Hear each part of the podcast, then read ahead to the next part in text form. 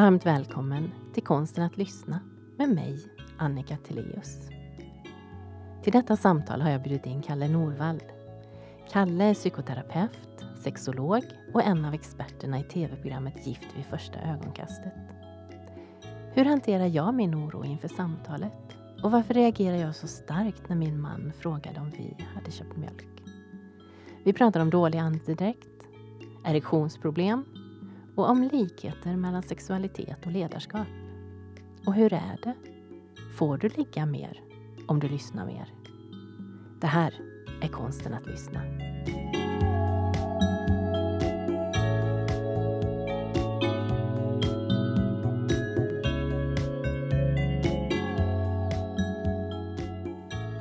Innan vi börjar så har jag en incheckning som jag tänker göra. Mm.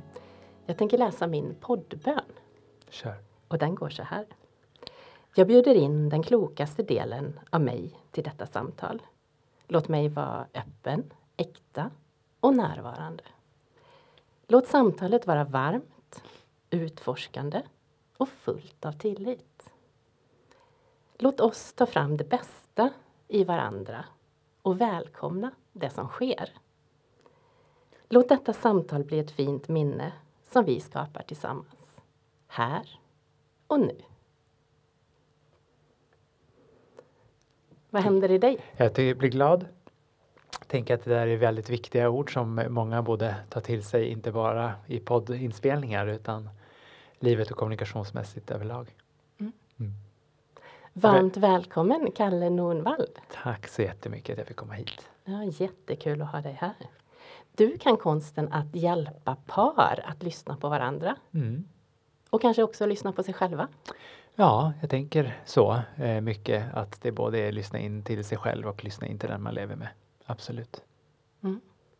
Jag jobbar ju eh, huvudsak med psykoterapi eh, med både individer och par och flersamma som har olika med relationella eller framförallt sexologiska problem och utmaningar. Och i både relation och sexualitet så handlar det otroligt mycket om kommunikation och ge och ta information. Mm. Jag har faktiskt en liten oro inför mm. det här samtalet idag. Mm. Och eh, i morse så blev jag varse att ja, men det, det bygger upp en liten rädsla. Ja. Så eh, jag tänkte att jag lägger den lägger fram den. Ja, gärna. För eh, dels det här att jag vill väldigt gärna att det här samtalet ska kännas. Mm. Och var går gränserna mellan mm. att vara utlämnande mm. och att vara personlig och dela saker mm. som, som är viktiga på riktigt. Absolut. Och eh, också det här att um, en viss kanske låter konstigt med underlägsen men vi är ju i min podd men på din hemmaarena. Mm. Och där jag, där jag utforskar lite mer mm. och inte är lika bekväm att prata om de här sakerna som du. Mm.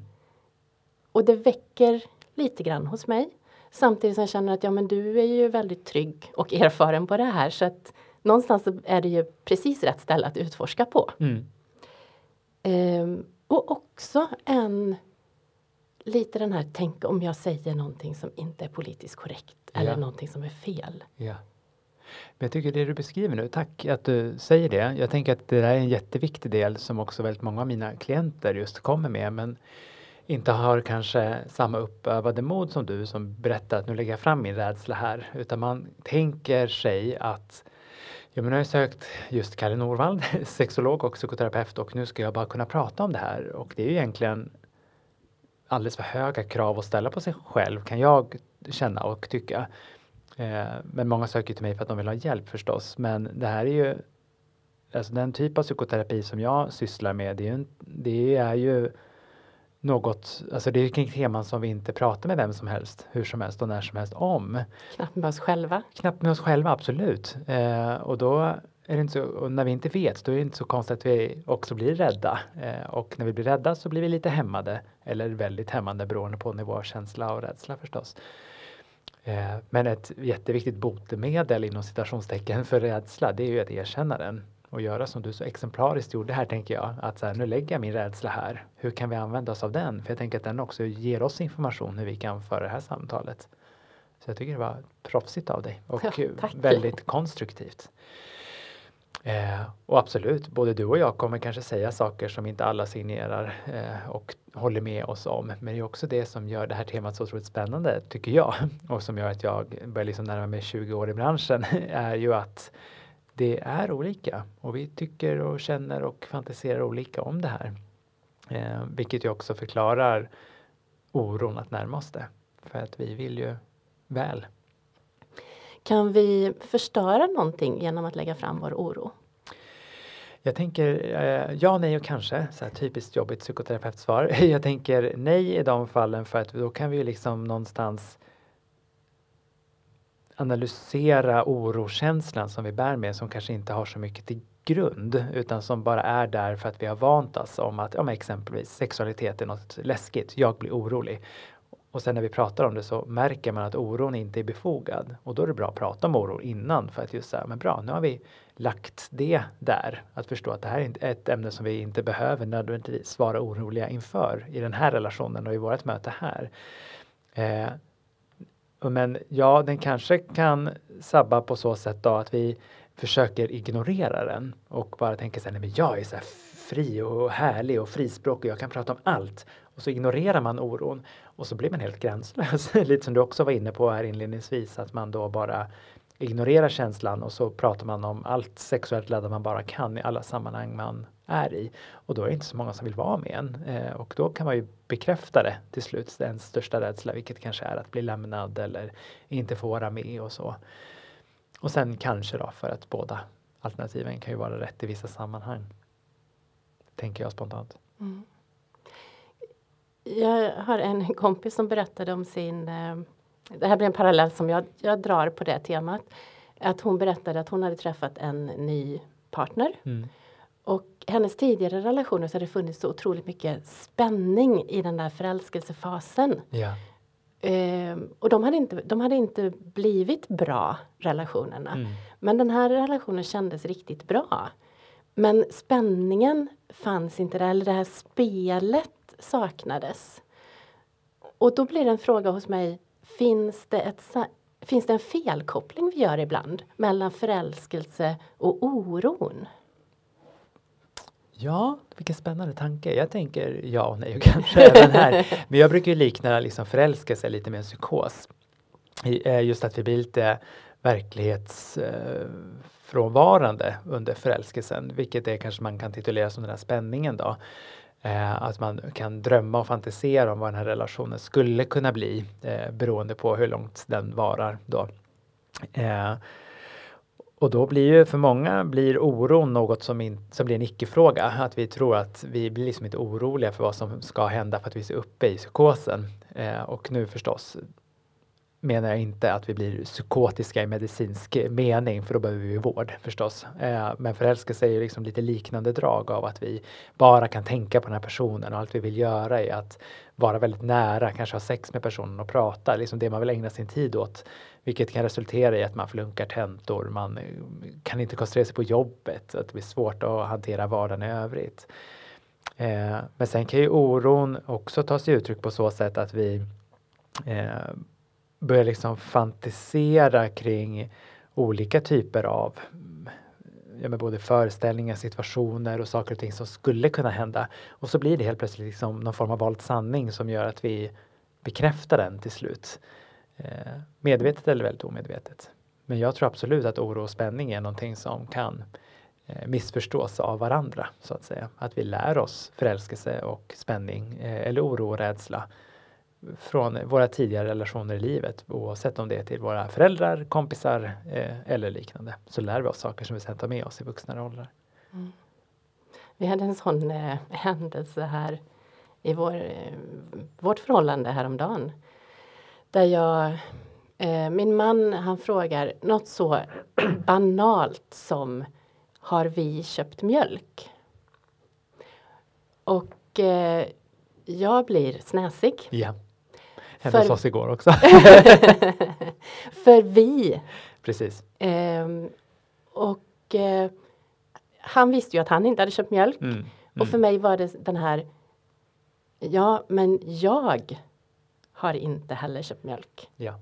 För både din och min partner egentligen fråga är ju, har du köpt mjölk? Precis, Ja. precis. Mm. Och för honom så var det ingen laddning i det här överhuvudtaget. Mm. Och hos mig, och så ställde han den frågan, varför, varför triggade det här dig? Mm. Och det blev en jättespännande diskussion för att jag gick tillbaks långt i tiden Ja. där jag hade ett förhållande där vi hamnade i nästan i symbios. Där, Mm. det, där jaget nästan försvann till förmån för ett vi. Precis. Och där jag hade en bild av att när man ingick i en tvåsamhet så var man ett så starkt vi att jaget inte behövdes. Mm. Så vi gick omkring och tittade på tavlor. och Liksom, Den tavlan tycker vi om, ja, Ja. det gör vi. Ja. Och när min man då frågar om, om vi har köpt mjölk Ja. Slängdes du dit? så slängdes jag dit. Mm. Och då blev det också den här, ja men och han blev lite så här, jaha men nu blir jag orolig, tycker du om mig? Eller Mm. den där osäkerheten. Mm. Men, och hos mig var det tvärtom. Ja, men jag känner mig så trygg. Att jag även kan vara sur och snäsig ihop. Precis. Och det är nästan som ett litet test. Får jag vara sur och Ja, snäsig med dig? ja, verkligen. Och men vi, vi lär oss ju om relationer och våra tidigare relationer, precis som jag var inne på innan. Men här har vi också ytterligare ett exempel. Vad vi har för romantiska eller kärleksrelationer påverkar oss ju också. Eh, och vi lär oss relationer på en rad olika sätt. Eh, jag tycker du formulerar dig så spännande här just också kring hur eh, jaget blev viet och att viet liksom blir, blir ens existens någonstans. Och det är en vanligt, en vanligt förekommande relationsmyt eller vad man ska kalla det kring att man liksom förenas och blir ett. Eh, och så blir det liksom nästan lite med reservation för ordvalet här, men nästan lite sjukligt på något sätt att man bara blir sin relation och glömmer bort sig själv. Eh, jag liknar en tvåsam relation som att den är tredelad. Jag, du och vi. Att vi liksom just kan fortsätta upprätthålla våra egna intressen om tavlor eller liknande eh, och samtidigt ha ett intresse för samma tavlor med sin relation. Eh, men att det kan ju också vara olika. Jag menar, jag har inte samma konst på väggarna när, som idag som när jag bodde själv. För nu bor jag med min partner och vi har ett gemensamt hem. Och då behöver ju bådas, jag och duet, någonstans förena sig i ett vi, som för många blir bostaden. Men det är klart att saker som händer idag triggas igång av saker vi har varit med om tidigare. Mm. Plus och minus. Precis. Hur, hur viktig är kommunikationen? Men jag tänker att det är inte för intet som vi psykoterapeuter tjatar oss blåa i ansiktet om att kommunikation är så viktigt. Eh, jag vill ju verkligen, men då vill jag också säga att många tolkar det som att man bara ska kommunicera med sin partner. Jag tänker att det måste vara ett steg innan dess och det är kommunikationen till sig själv. Eh, jag brukar ju alltid säga att både relationer men också sexualiteten börjar ju alltid med dig själv. Man behöver någonstans kommunicera inåt för att prata om vad man själv vill ha i en relation. Varför har vi sex med varandra överhuvudtaget? Eh, när kan man eh, snäsa? Eh, och när skulle jag väl bli snäst åt? Att man också pratar med sig själv, inte på ett liksom schizofrent sätt, utan att det kanske vissa känner då när jag ger det som ett tips att men gud, ska jag prata med mig själv? Blir man inte sjuk då? Nej, jag tänker att det är snarare friskt att prata med sig själv eh, när man gör det aktivt. Eh, och fundera kring vad man önskar i en relation, eh, vad man önskar i relationen till sig själv. Eh, och sen kunna förmedla det till en eventuell partner. Eh, det är där som kommunikationen också landar någonstans. Och många tycker att kommunikation är läskigt. Jag tänker att det finns orsaker varför vi laddar formuleringen vi måste prata som någonting läskigt, att nu kommer du lämna mig. Eh, Medan jag tänker att vi måste prata betyder hej, nu vill jag investera tid i vår relation. att det också går att lära om sig vad saker och ting faktiskt kan komma att betyda. Så jag tänker att kommunikation är relation. Och nu kommunicerar din kropp med dig att nu irriteras det lite här. Gör någonting så kommer det kännas bättre efteråt. Och det är precis samma sak i relation till en partner. Att ja, men nu, nu skaver det någonting här emellan. Men kan vi prata om det då? Det är själva hostandet. Det är åtgärden är ju att mötas i samtal. Mm. Och det kan vara jobbigt. Och då är kommunikationen både att sända och att lyssna. Precis, precis. För det är också en vanlig missförstånd att man tänker kommunikation är bara att ge ord. Eh, Men kommunikation är ju också åt andra hållet, att ta emot information, eh, att lyssna. Mm. eh, vilket ju också är otroligt viktigt. För jag kan ju, ja men nu, Nu har jag i och för sig blivit inbjuden till din podd så nu pratar jag lite mer kanske om man skulle mäta talutrymmet i din podd där. Ja, då kanske jag pratar lite mer som gäst. Men i en tvåsam relation, om du och jag skulle vara ett par, då hade ju, och haft samma typ av dynamik när jag pratar, pratar och du ställer lite frågor. Det hade inte varit helt hälsosamt om det är så liksom dag ut och dag in. Så kommunikation är relation och att det behövs eh, ömsesidighet i det också. Mm. När jag pratar runt lyssnandet så använder jag många gånger en galge Mm. för att illustrera det. Åh, spännande. Och de här två sidorna, mm, ja, vad ska man säga, skänklarna Ja, på galgen. ja där man hänger axlarna liksom. Ja, precis. Ena axeln och andra axeln då. Eh, den det är bra, bra tillägg. Den, den eh, ena handlar om att lyssna på den andra. Mm. Och hur gör jag och vad händer när jag lyssnar? Mm. Och den andra axeln handlar då om att bli lyssnad på. Fint. Och att den behöver vagga fram och tillbaka. Det behöver vara balans i en relation. Verkligen. I perioder så kan den ju tippa Japp. åt ena eller andra hållet. Japp. Men att vi behöver både tal och lyssnarutrymme båda två. Mm. Och sen är det så fint med den här galgen för den har ju också ett stag där man Mm. kan hänga ett par byxor. Precis. Och det staget ger ju också en styrka till galgen. Och det handlar om att lyssna på sig själv. Ja. För det är det som ger styrkan att veta med vem är jag? Mm. Vad pytsar jag in i det här? Skriver jag under på. Mm. Det, var, en jättebra metafor och liknelse just i kommunikation i en tvåsam relation. Och sen finns det en, en krok också på den här galgen. Ja, det är inte klart. Berätta. Nej. Ja. jag, bru- jag brukar idag köra den som tre, men Ja. det finns en krok. Och Bonus- det handlar, bonusmaterial. bonusmaterial här. Eh, I vilken garderob har du hängt din galge? Ja, ja. Hänger den på rätt ställe? Mm.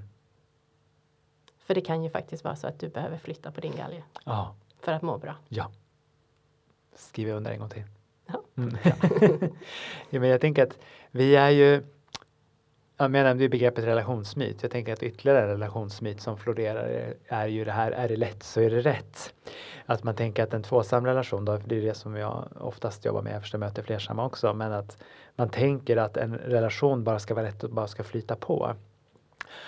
Och med det också kommunikationen och pratandet och lyssnandet. Eh, jag tänker att det är en missuppfattning, att man tänker att det bara ska flyta på. Då brukar jag få en liten, litet, litet larmsignal i mitt huvud där man säger så här, här undviker vi någonting. Eh, för om det bara flyter på hela tiden, som att man liksom skulle om man kommer ihåg de här äh, dukarna som vi, i alla fall jag åkte på som barn som blev blöta och så hällde man lite, lite diskmedel på så kunde de bara så glida som tusan. Om man tänker att relationen ska vara så att det bara ska vara noll friktion, det ska gå bara rakt fram hela tiden och vara underbart konstant och pirr i magen och myspys hela tiden.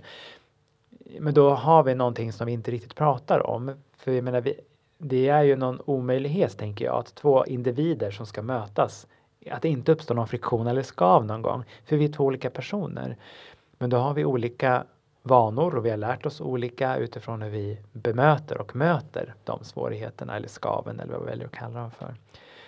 Eh, så jag menar det här relationsarbetet eh, som jag jobbar med 24-7 känns det som, både hemma och på jobbet. eh, det tar liksom inte slut bara för att man fått en sån här ring runt vänster ringfinger. Det är inte klart. Utan nu ska vi liksom fortsätta välja varandra varje dag och anstränga oss för oss själva och för varandra och för vår relation. Och vad är det bästa tipset då? Oj, det finns tusen.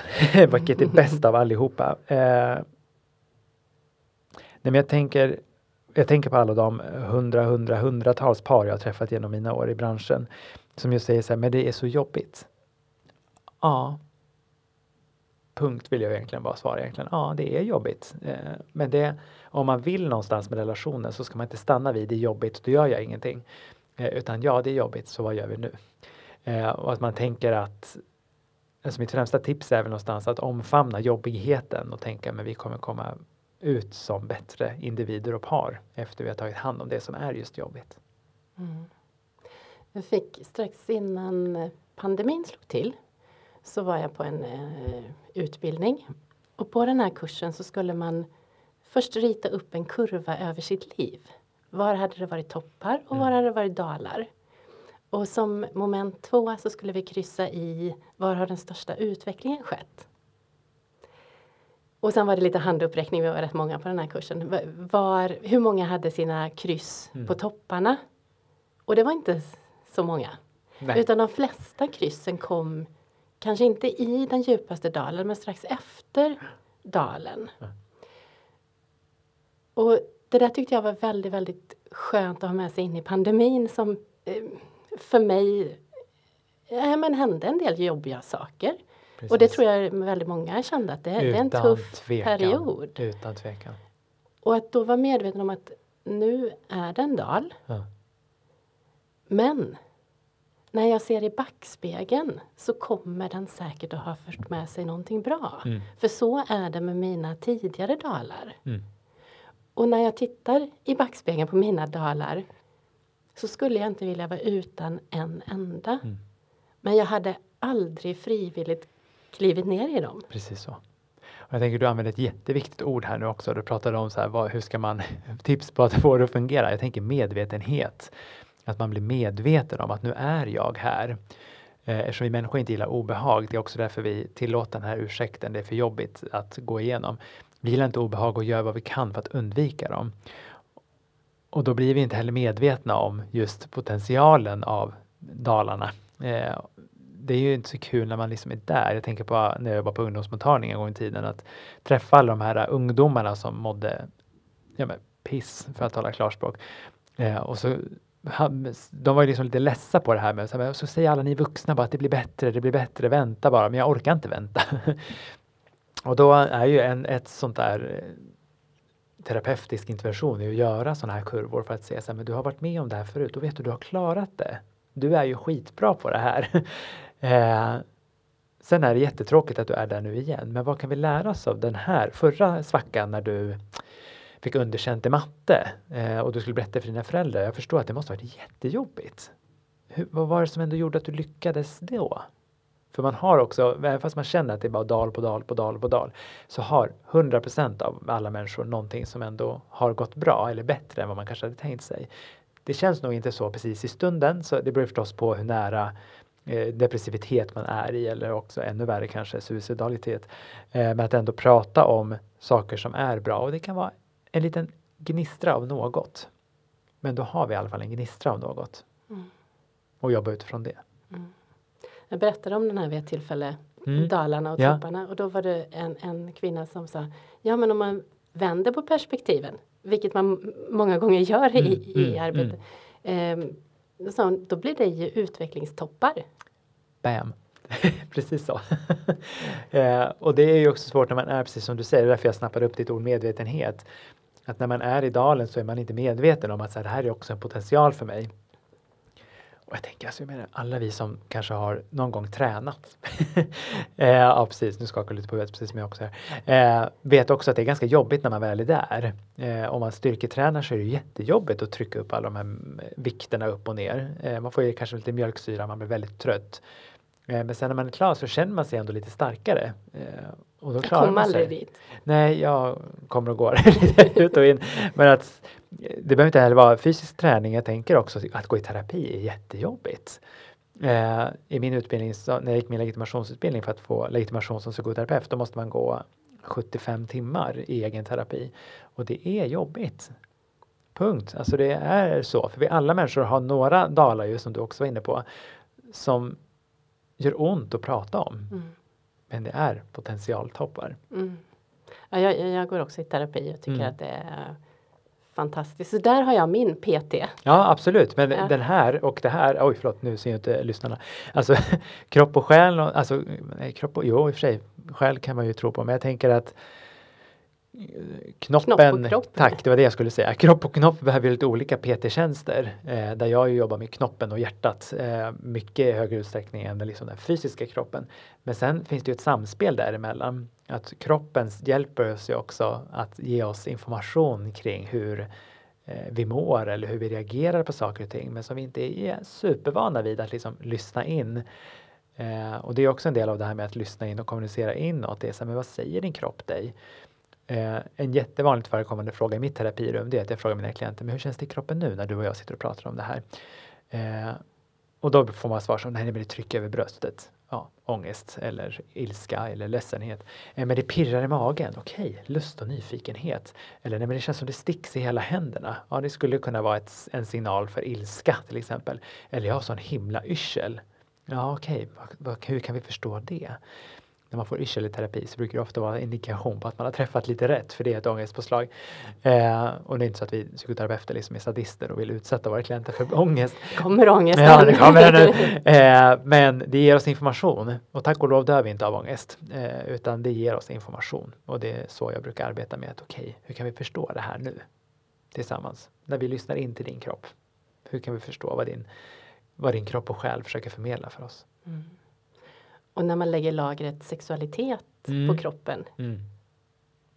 Eller Då händer det grejer. nästan ta bort kroppen från sexualiteten. Ja, det är oftast det människor gör. Eh, man intellektualiserar som det så vackert kallas för psykoterapeutiska. Alltså att man försöker göra både sexualiteten men också våra känslor logiska. Men vare sig sexualitet eller känslor är logiska alla gånger.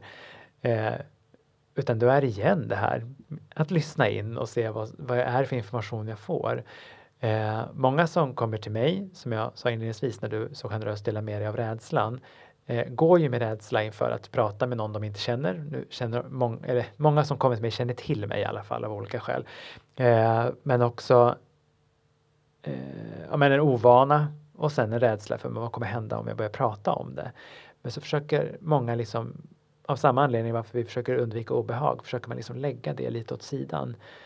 Eh, och det brukar man, eller jag i alla fall, kunna se ganska snabbt att så här, men nu är vi i en situation där du försöker förneka någonting. Så vad händer i kroppen nu när du och jag pratar om det? Och så envisas jag med det. Och går man i terapi hos mig under en längre tid så brukar de flesta klienterna säga ja och så kommer du nu fråga hur det känns i kroppen nu, det känns så här. För och det är ju för mig bra, för det betyder att de har mig på axeln, att de just förmedlar och ser men vad finns det för samband mellan kroppen och knoppen nu? Mm. Det är jättehäftigt. Mm.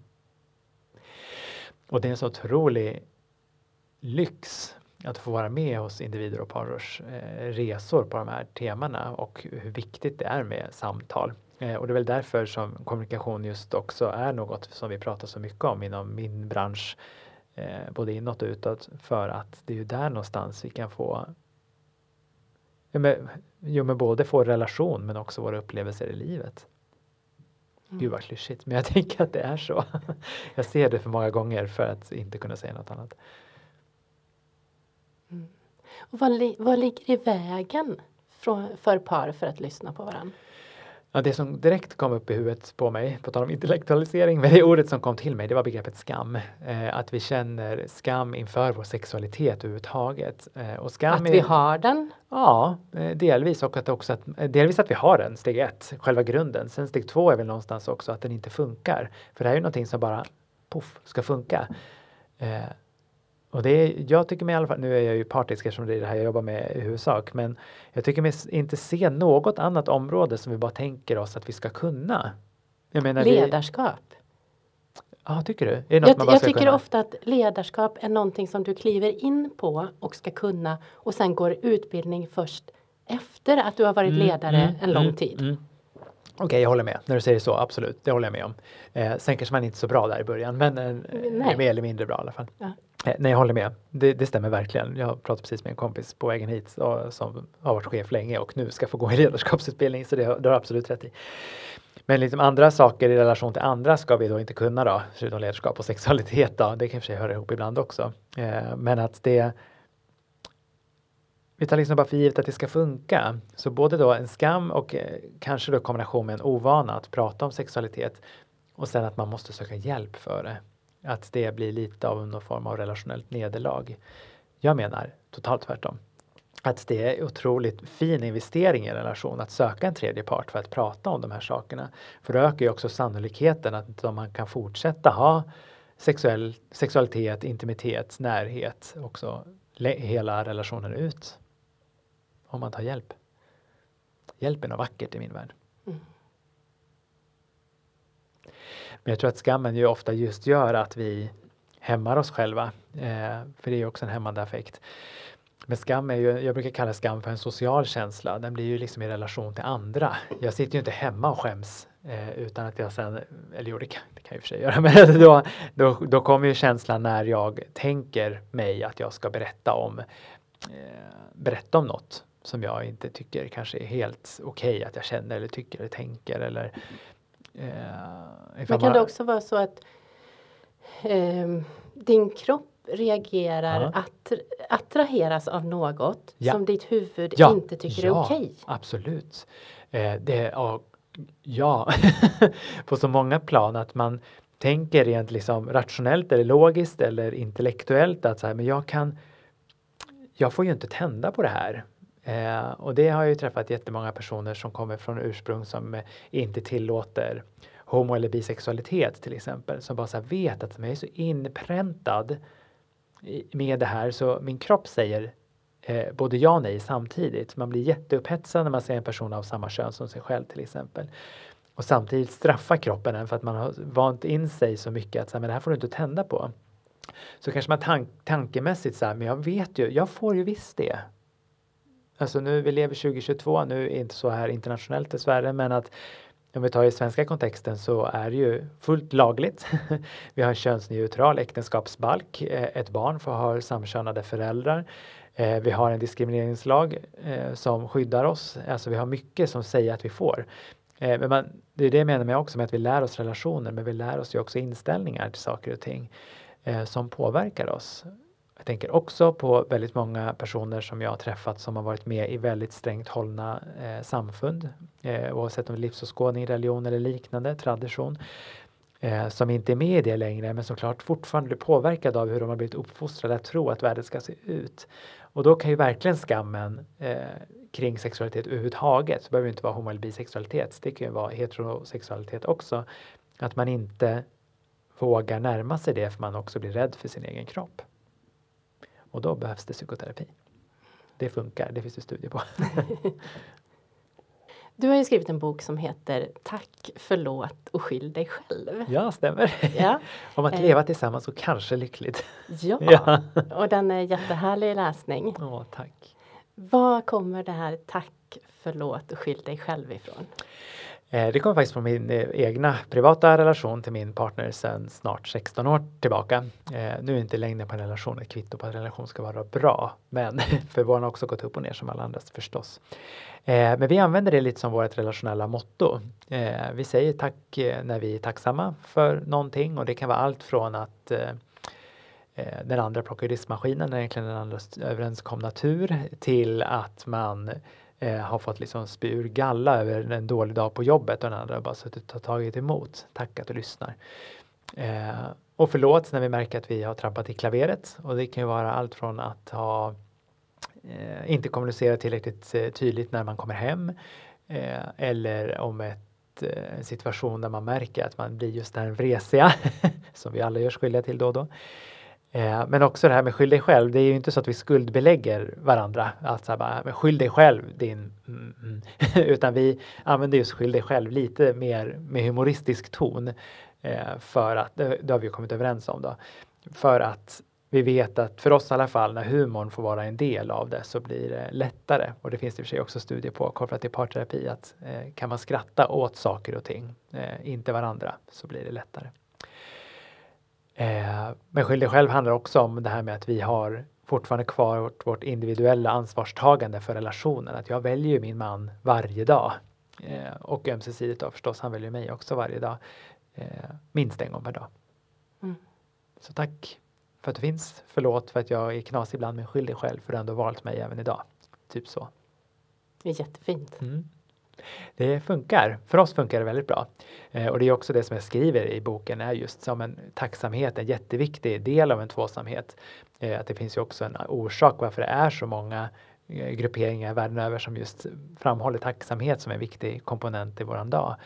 Eh, men sen ska det inte bli toxiskt, alltså den här toxiska positiviteten. Vi tackar inte varandra för att säga, åh tack att du spolade efter att du var på toa. Nej, det gör vi inte, för det är inte, eller det skulle man i och för sig kunna göra, bara för att det är lite kul på så sätt. Men det är inte så att vi säger tack hela tiden. Eh, men det är som en påminnelse, påminnelse att man behöver göra det då och då. Eh, och förlåtelse är ju också en viktig grej för att liksom komma samman efter att man har varit i någon konflikt eller man har tyckt väldigt olika eller det här blev inte alls som vi hade tänkt oss. Eh, så någon form av för, förening, att vi kommer tillbaka till varandra. Eh, men också då att ta ansvar för sig själv och relationen. Vi kommer inte kunna, på, vi kommer inte kunna bestämma över varandra men vi kan ta ansvar för relationen och vår egen del i det. Så tänker vi. Det är jättefint tycker jag. Det har ju varit väldigt spännande att skriva. Jag har inte skrivit en bok, jag har skrivit en bok tidigare själv, men det handlar ju mer akademiskt eh, om sexualundervisning i skolan. Men så det här blev ju liksom en annan sorts bok att skriva. Och det var ju väldigt spännande eh, för min egen intrapsykiska skull någonstans när man skrev om vissa saker. Då börjar man ju rannsaka sig själv också. Eh, så det har ju varit en annan form av terapeutisk resa att skriva på det här sättet som mm. har varit väldigt eh, jobbig eh, men nyttig för både mig och min relation. Vad tar du med dig från den här resan? Ja, delvis rent praktiskt, det tar mycket längre tid att skriva en bok än vad man tror. Eh, eh, jag tar också med mig att jag stundtals kan vara lite för självkritisk eh, som bottnar i mina egna kunskaper om mig själv i relation till andra. Eh, där ju självkritik är ett effektivt försvar för att inte behöva ta emot någon annans kritik. Också ett tema i min egen terapi, men att man också tjänar på att vara snäll mot sig själv och inte låta man, jag är för att lyssna av logiska skäl, men ibland behöver man inte lyssna på den här överdrivna kritiken. Så det tar jag också med mig. Mm. Du pratar om försvar. Jag tänker humor som du nämner. Ja. Kan den också gå till att nu skämtar vi bort allting? Utan tvekan. det är därför jag också vill koppla ihop det nu när du säger det. Bra, tack att du sa. Jag tänker koppla till det du också sa förut om medvetenhet. Att man använder humorn medvetet. Eh, försvar är ju väldigt omedvetna många gånger. Eh, och det kan ju absolut vara så att man använder humor och sitt skratt för att liksom distansera sig till svåra saker tänker på en person jag hade i terapi för länge sedan som har varit med om ett ganska grovt övergrepp eh, och som skrattar sig igenom hela situationen och sa gud det här är egentligen jättelöjligt men sen händer det här och det här och det här och, haha, och, och skrattar liksom bort det. Och då får man ju använda sig av det som terapeut. Okej, okay, men nu berättar du om väldigt svåra saker och du skrattar. Hur kan vi förstå det? Nyfikenhet. Eh, men humor är absolut ett effektivt sätt för att få ner obehaget. Eh, men humor i terapi är ju då en medvetenhet. Eh, man får inte använda det hur som helst eh, utan vid välvalda tillfällen. Mm. Men det kan absolut vara ett försvar mot obehag. Ja, och en situation. Jag, jag var på en dejt vid ett tillfälle som jag inte hade förväntat mig. Jag trodde det var en lunch, gemensam lunch ja, bara. Punkt. Ja. Och så hamnade vi på en vitsipsäng ja. med picknick. Och jag drog så dåliga vitsar ja. hela den lunchen. Ja. Men som ett sätt att hantera ditt kanske obehag eller förvåning eller? Ja, det var både en förvåning och, och kanske den där känslan av att wow, det här är en fantastisk kille. Ja. Men det men kan också vara läskigt. Ja. jag mm. känner inte på det sättet. Nej. Nej. Så jag, jag det, det, var verkligen ett försvar mm. när jag tittade i, i Absolut. backspegeln. Det låter så. Ja. Och det kan ju också vara ett försvar både, nu känner inte jag dig så väl och säger så, men om, vi, om ni som lyssnare känner igen er i berättelsen, jag gör det också för jag har också varit med i liknande situation, inte just vitsipsäng men det var en annan naturupplevelse. Det kan ju både då använda humor till att liksom försvara sig för situationen, det vill säga, men gud, här hamnar jag i chock eller förvåning kring så här, hur ska jag hantera det här? Om jag drar lite skämt, omedvetet brukar det ofta vara. Eh, för att skapa liksom en neutralare mark för det. Eh, det kan ju också vara ett försvar för att man just inte känner någon attraktion överhuvudtaget och försöker liksom skämta bort och förminska situationen.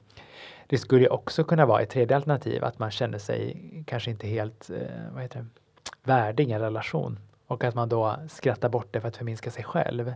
Så både liksom förminska personen som bjöd ut dig och mig och oss på dejten eh, mannen, situationen, men också sig själv. Mm.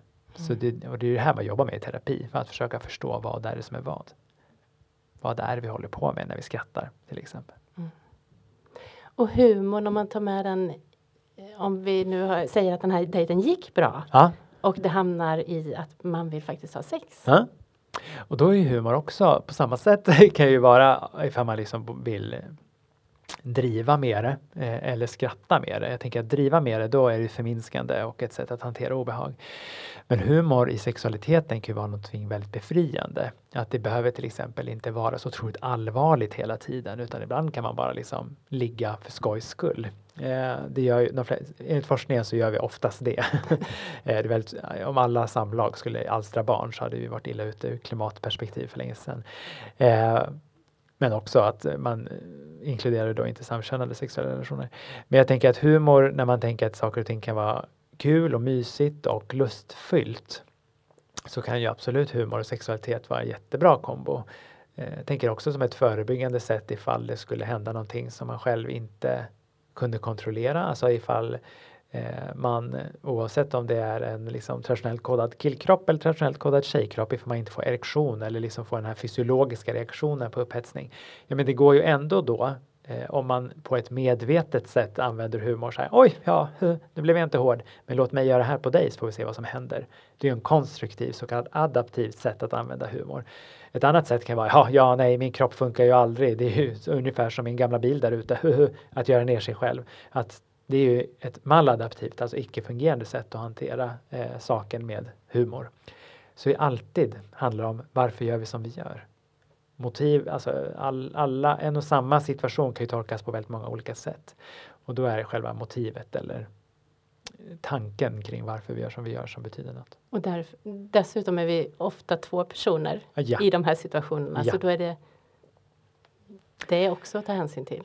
Absolut, eh, för det, vi behöver ju ta hänsyn till alla som är med eh, och även för mig, jag har också träffat, om vi tar nu just erektionsproblem som ett exempel, jag har ju träffat många i gruppen män som eh, får erektionsproblem och som faktiskt blir utskällda av sina partners. Eh, och jag har fortfarande inte träffat en enda person där en utskällning blir eh, lösningen och då blir man helt plötsligt hård och får ett erigerat kön utan här är det ju tvärtom.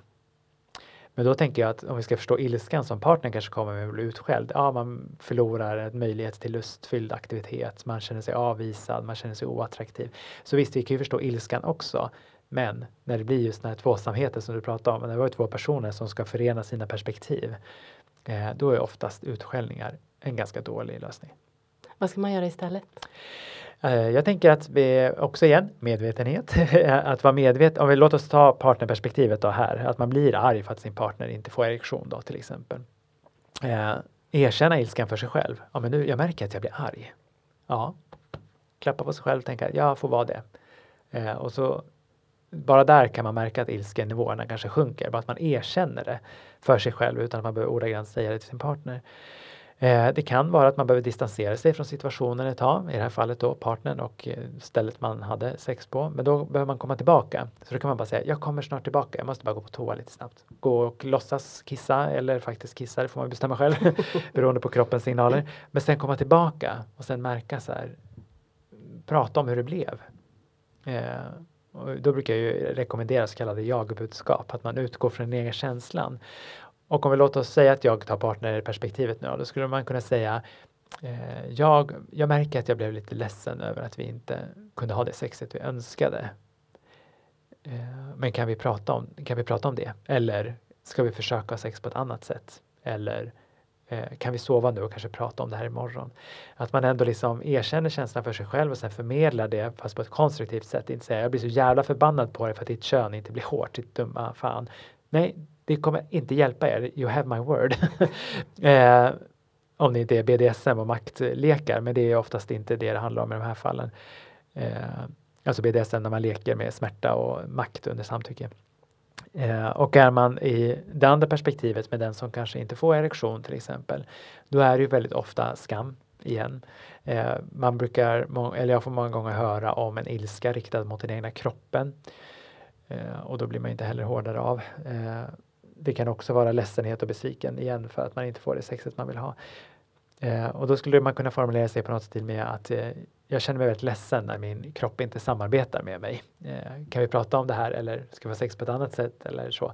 För jag tänker att det är också, just erektionsproblem är det så många som eh, tänker att det enda sexet man kan ha är så kallat penetrativt eller omslutande sex, att liksom vi ska in i varandra för att det ska räknas. Men vi har så mycket andra delar av våra kroppar som mår bra av och eh, lustfyllt blir berörda. Så om man vågar bredda de perspektiven lite så kommer man kunna ha en härlig stund även fast man inte har eh, ett erigerat kön. Till exempel. Men då är vi tillbaka på det här med vana, att prata om saker. Mm. Eh, och igen, sex är något man inte är så van generellt sett att prata om. Jag är det, för jag har jobbat med det här så länge. Men sen är det är ju mitt jobb. Sen kan jag förstås när jag träffar mina kompisar eller min eh, man, så ja, men då är det klart att då pratar jag på ett annat sätt, för då är jag ju en annan roll. Eh, då sitter jag inte så här med en mick uppe i facet och pratar om penetrerande samlag hur som helst, utan då är det ett annat. Eh, för då både pratar och lyssnar jag på ett annat sätt i min privata sfär. Mm. Jag vill gärna gå tillbaka till det här med jagbudskap. Ja, absolut. Och utforska det lite till. Mm. För visst är det så att man pratar jag pratar utifrån min upplevelse Ja. och mina känslor. Precis så. inte vad du har gjort, Nej. utan vad som hände i mig Ja. när det här hände. Det är därför man börjar med den egna känslan. Alltså känslor är ju det mest genuina vi har någonstans. Så här, du, du kommer ju aldrig, ö, du kommer aldrig, eller ja du kan ju försöka, men du kan ju försöka argumentera mot mig, bara, Kalle du känner helt fel. Det tror jag många som gör. Ja, alldeles för många. Ja. Så här, hur fan kan du känna så där? Jag, vet inte, men nu gör jag det. Det är inte som att jag känner mindre för att du börjar skälla på mig. Det, oftast brukar känslan öka då istället. Eh, och därför jagbudskap är ett fungerande sätt. Det tar också lite tid att öva sig på. Eh, men att utgå från den egna känslan, jag, eh, och sen beskriva en situation, ja men när du, eller när vi. Eh, och sen ett förslag på en förändring, kan vi. Så jag, du, kan vi. För att eh, Eh, just också är ett alternativ till hur skulle vi kunna prova att göra på ett annat sätt. Vad många av paren som kommer till mig just kämpar med, det är att de gärna försöker göra samma sak och så förväntar de sig ett annat resultat. eh, och då kan man ju få hålla på hur länge som helst. För gör vi samma sak, vi kommer inte få ett nytt resultat. Vi måste prova någonting annat. Och då kan jag som psykoterapeut spela en roll eh, till att prova på något annat. Eh, men det var också en av anledningarna varför jag skrev den här boken. Det var ju för att liksom på ett enkelt, enklare, inte enkelt, enklare sätt kunna förmedla redskap som man kan ta till sig snabbt. Eh, nu har ju boken bara varit ute i några veckor, men jag har redan fått mejl från folk som är i relation som säger nu har vi provat det här och det har blivit något helt annat och det är ju väldigt fint att få ta emot. Grattis! Då får man lite egoboost på tal om den inre kritiken. Nu blev den lite tystare när man får de Mm. mejlen. Eh, men att men bara, eh, det är därför jag försökte vara så konkret som möjligt i vissa av fallen i alla fall i, i min bok för att just så här, ibland behövs det bara en mening Mm. så blir läget något helt annat. Och där tycker jag jagbudskapen är ett så. Det är ju inte jag som har kommit på det utan det finns ju. Men att just förmedla det. Utgå från den egna känslan för det, det är mest genuina vi har. Eh, den psykoterapeuten jag gick till under min utbildning sa någonting som jag tyckte var väldigt fint som jag också skrev om i boken. Just det här att eh, med just känslor och genuiniteten, genuiniteten i det att eh, vissa människor är ungefär som Tjernobyl. Alltså man tittar på den och så är det bara liksom en slät kupol och det händer ju egentligen ingenting. Men kollar man innanför den här kupolen så är det ju full aktivitet. Eh, för jag träffar ju också personer som säger men jag vet inte, jag har inga känslor. Och då brukar jag använda humor och säga så här, men vet du, jag tror du faktiskt sitter och småljuger för mig nu. Och då ser de ut ungefär som du gör nu. Då ler de lite, skrattar lite, tänker så här, va? Vad menar du? Eh, men vi har känslor. Men vi har olika vana att uttrycka dem, både för oss själva och för andra. Ska vi öva på det? Och då säger alla ja. För man vill ju ha en genuin relation till sig själv och sin partner. I det läget, om det kommer ett par där den ena har ett starkare vilja att komma till dig Ja. och den andra följer med. Mm. Är det svårare att få med den? Nej men det händer väldigt ofta skulle jag ändå säga. Eh, precis på samma sätt som man kanske har olika lust till sex och närhet så har ju många också olika luster att komma till mig. eh, på min mottagning är det ingen som har sex med varandra, jag ska bara förtydliga det väldigt tydligt. Eh, de kommer till mig för att prata om sexualiteten. Sen får de ligga någon annanstans om det är så de ska göra. Eh, jo men absolut, det är ju jättevanligt att en part har varit den drivande att komma till mig. Eh, de absolut flesta har i och för sig en önskan båda två, men det är väldigt vanligt att en har högre och en andra lägre önskan. Eh, och det, ja, det är ju viktigt att sätta ord på det, tänker jag.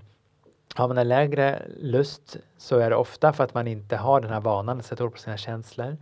Eh, man har någon underliggande rädsla i vad kommer hända om jag börjar prata? Kommer jag aldrig kunna sluta gråta eller kommer jag vara arg 24-7 nu? Eh, men det är också Eller bra. vad väcker jag? Eller vad väcker jag? Absolut. Eh, om jag nu sätter ord på den här tanken, vad kommer då hända med min fru eller make eller någon annan för att när den sanningen någonstans har kommit fram. Min erfarenhet, så referens Kalle Norvard 2022, är att när det väl kommer ut, då har man något konkret att jobba med. Eh, jag har fortfarande inte varit med om någon gång när något sådant kommer fram och den andra parten har gått. Utan de, majoriteten säger, ja men tänker du så? Tack att du berättar, så säger man inte. Först kanske de blir jättearga. Eh, och då säger jag så här, du har all rätt att vara arg. Men nu kanske vi ska kolla på vad som har uppstått här. Eh, för att försöka få ett samförstånd kring hur, vad är det som är utmaningen och vad som är problemet. Jag tänker spontant på ett par som jag hade för, ja det var nog ganska exakt ett år sedan. Eh, de kom till mig för att de hade olika lustar till sex. Eh, och sen var det som att hon, eh, det var ett heterosexuellt par, jag såg på henne att nu tar hon sats. Hon så här, man såg att hon bara peppade, nästan så här, slog sig på benen, du vet som höjdhoppare gör på arenorna. Ja, nej, det vet inte jag, jag har bara fått berätta för mig för jag tittar inte på sport. Men att man slår på sin kropp för att så här, peppa sig själv. Eh, och sen såg man hon så här, jag vill inte ligga med dig för du luktar så illa i mun. Hon bara drog av sig plåstret då, för då hade hennes man jättedålig andedräkt. Eh, vilket jag faktiskt direkt kände när han kom in i rummet, vilket ju är talande. Eh, och han bara, vadå, vad menar du? Och då visade det sig att han, då fick vi liksom prata om basal munhygien med tandtråd och tungskrap och tandborstning. Eh, och där sparade de hur mycket pengar som helst på parterapi för hon blev, så fort han började göra det här, för då bokade vi tid sen en månad senare och han fick liksom lite schema, nu är inte jag tandläkare men vi hjälptes åt via diverse hemsidor. Och bara där så kunde ju vi liksom lösa ett problem som han har gått med med ganska enkla medel och han var inte ens medveten om det. Och hon var ju jätterädd att kränka honom. Men det är väldigt få människor som vill gå omkring och lukta och smaka illa. Eh, så han blev ju först förstås lite stött, men sen också, man får inte berätta det här tidigare, jag vill inte lukta illa och så började han ju skämmas. Och då fick vi prata om hans skamidé och sen så peppar de till eh, intimitet när han väl luktade bättre i munnen. Så ibland kan ju en sån här olust, Det var inte ens, svar, det var inte ens svaret på din fråga, för du frågade något helt annat. Men det är ett annat exempel på vad jag möter i min vardag. Eh, men när en person har mindre lust till att komma till mig så pratar vi om det. Att så här, för det brukar ofta komma fram eh, och då säger de något i stil med att Ja, men Henrik är inte så sugen på att komma hit, men jag tror verkligen det här vore bra för oss. Och då säger jag, okej okay, Henrik, vill du berätta om dina tankar om att du nu är här? Eh, och då får man höra svar som, nej men vad ska det hjälpa till? Eh, nej, vad, vad kan det tjäna till? Eh, jag tror inte på terapi. Det är inte ett så stort problem. Kan det mer vara? Ja, men något i den stilen i alla fall. Men sen när vi har haft några samtal eh, eller ändå bara några minuter in i samtalet så märker man att de mjuknar upp och det är det som vi psykoterapeuter är utbildade till, i alla fall försöka. Eh, att få det motståndet att luckras upp något, inte tas bort, men att ändå så bli medveten en gång till. Eh, och sen se, men hur finns det motivation för att få till en förändring? Eh, så kan, kan, kan det här vara ett sätt. Jag är ju aldrig garantier för det är svårt att göra för någon terapeut oavsett hur länge man har jobbat. Men att ändå säga, jag kan garantera er att vi kan prata om det här så får vi se vad som händer. Och vissa säger efter några gånger att det här var skitbra, tack att du övertalade mig. Och så förväxlas nästan, eller så byter nästan den lustfyllda parten roll någonstans. Eh, och andra säger bara nej, det här kommer aldrig ge något. Och då säger jag nej. För dig just nu så kanske det är så, men ni är välkomna tillbaka ifall det förändras. För det kan också vara så att man inte är redo. Eller att äh, också att alliansen mellan mig och dem förstås kanske inte klickar, för det visar ju också jättemycket forskning eh, att alliansen mellan psykoterapeut och den som kommer för psykoterapi eh, utgör, vad är det, 60-70 procent av eh, utfallet. Så ifall man inte trivs med mig, då brukar jag också erbjuda och eh, erbjuda mina klienter att om det är så att ni inte klickar med mig eh, så är det inte så konstigt eller inte så, så är det inte konstigt, punkt. För att vi är olika personer, men då ska vi hjälpa er, då kommer jag hjälpa er att hitta någon annan. För det brukar jättetöntigt, på tal om humor, säga att hitta en psykoterapeut som passar en. Det är ungefär som att testa byxor ibland. Det finns inte ett par byxor som passar alla och det är precis samma sak med psykoterapeuter. Och därför kan man behöva prova några innan man liksom hittar en som man klickar med. Mm. Jättebra tips. Så viktigt. Mm. Gud vad jag babblar. Ja, det är underbart. babbel, babbel, babbel, babbel. Det är jättehärligt. Nu får ni lyssna. Ja. Jag, jag skulle gärna vilja skicka med en uppmaning mm. till eh, lyssnarna. Mm.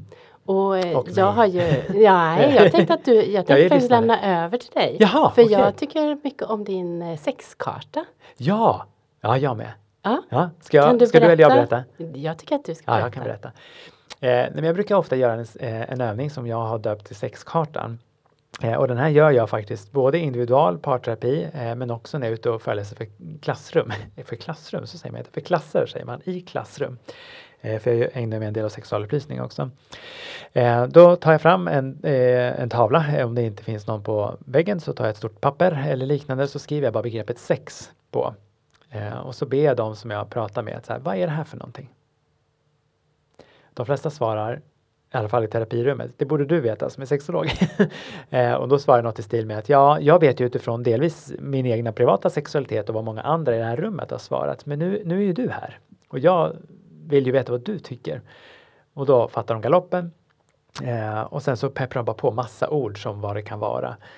Och, och tryter inspirationen så brukar jag ta inspiration av de svenska frågeorden, alltså varför, varför har man sex? När har man sex? Vilka har sex? Hur har man sex? För att liksom spä på lite. Och då kan man få massa svar som lustfyllt, eh, orgasm, könsorgan, eh, olika typer av praktiker. Man kan få läskigt, ångest, ångestlindring, bekräftelse, eh, hår, internet. Alltså man kan få så många svar och jag har gjort den här kartan miljarder gånger och aldrig fått en identisk karta. För det är så otroligt personligt men också ger så mycket inspiration kring vad man just går med för föreställning om vad sexualitet och sex kan vara för någonting. Eh, så en uppmaning då till lyssnare att göra sin egna lilla sexkarta tänker jag var en god uppmaning för att komma i kontakt med sig själv i den eh, aspekten av livet. Och som par kanske göra varsin? Ja, det, bruk, ja, det brukar jag också uppmana vissa par att göra. Gå hem och gör en varsin. Och sen sätter ni ner efter söndagsmiddagen eller vad ni gör och kollar på varandras. Då hittar man också så gemensamma och båda vi två tycker att det ska äh, skrivit lustfyllt, men vi har också båda två skrivit ångestfullt. Hur kan vi förstå det? Eh, och så kommer de tillbaka till mig så kan vi hjälpas åt att förstå det. Eh, men att Ja, för man inte, ja, dina, alla dina lyssnare kommer ju inte till mig, men att man också då kan just se vad har vi gemensamt och vad kan vi bygga på. Annars, ifall ni inte har kontakt med mig eller någon annan terapeut så tänker jag att ut, gör ni det här på eget bevåg hemma så utgå från just vad ni har gemensamt och på plussidan för att bygga på vidare på det. Eller stärka att ni har kvar det. Jättebra. Har du något ytterligare medskick som känns viktigt? Eh, oj, jag har så många. Kan man både lyssna, hänger lyssnandet och liggandet ihop? Absolut, ja, Gud ja. jag tänker att lyssnandet eh, på i, liggandet är en jätteviktig komponent som också väldigt många faktiskt har i, som en del av sina tändningsmönster. Att man verkligen tycker om att höra sin partner låta till exempel. Och det behöver inte bara vara liksom stönljud med munnen utan också hur kroppen låter. När man smeker varandra så, det här hörs ju också liksom. Att höra hur kropparna möts och alla den delen kan ju också för väldigt många väcka en jättestark lust. Eh, så jag tänker att och lyssna in och titta, titta med ögonen om man har förmågan att se att så här, hur rör sig min, eh, min kropp i förhållande till min partner så hur rör sig min partner när jag tar hens kropp på det här sättet. Att det är också en del av kommunikationen som är fantastisk eh, informationsrik. Mm. Så ja, ligg och lyssna. Ligg och lyssna, fantastisk avslutning på ett härligt samtal. Tack. Varmt tack för att du kom hit, Kalle Tusen tack att du komma hit. Ta hand om er.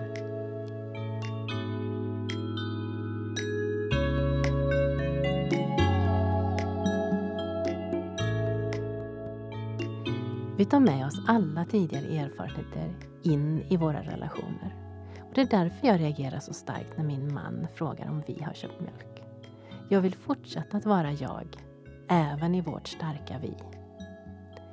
Både relation och sexualitet börjar med oss själva. Vi måste prata. Borde inte vara laddat med obehag. Det handlar om ömsesidig kommunikation där vi sätter ord på våra tankar och känslor, ställer frågor och lyssnar för att försöka förstå. Kalle pratar om vikten av att lyssna på sin kropp. Vill du veta mer om hur kroppen hjälper oss att lyssna? Då finns ett helt avsnitt om det med skådespelerskan och kroppsspråksexperten Miri Dell.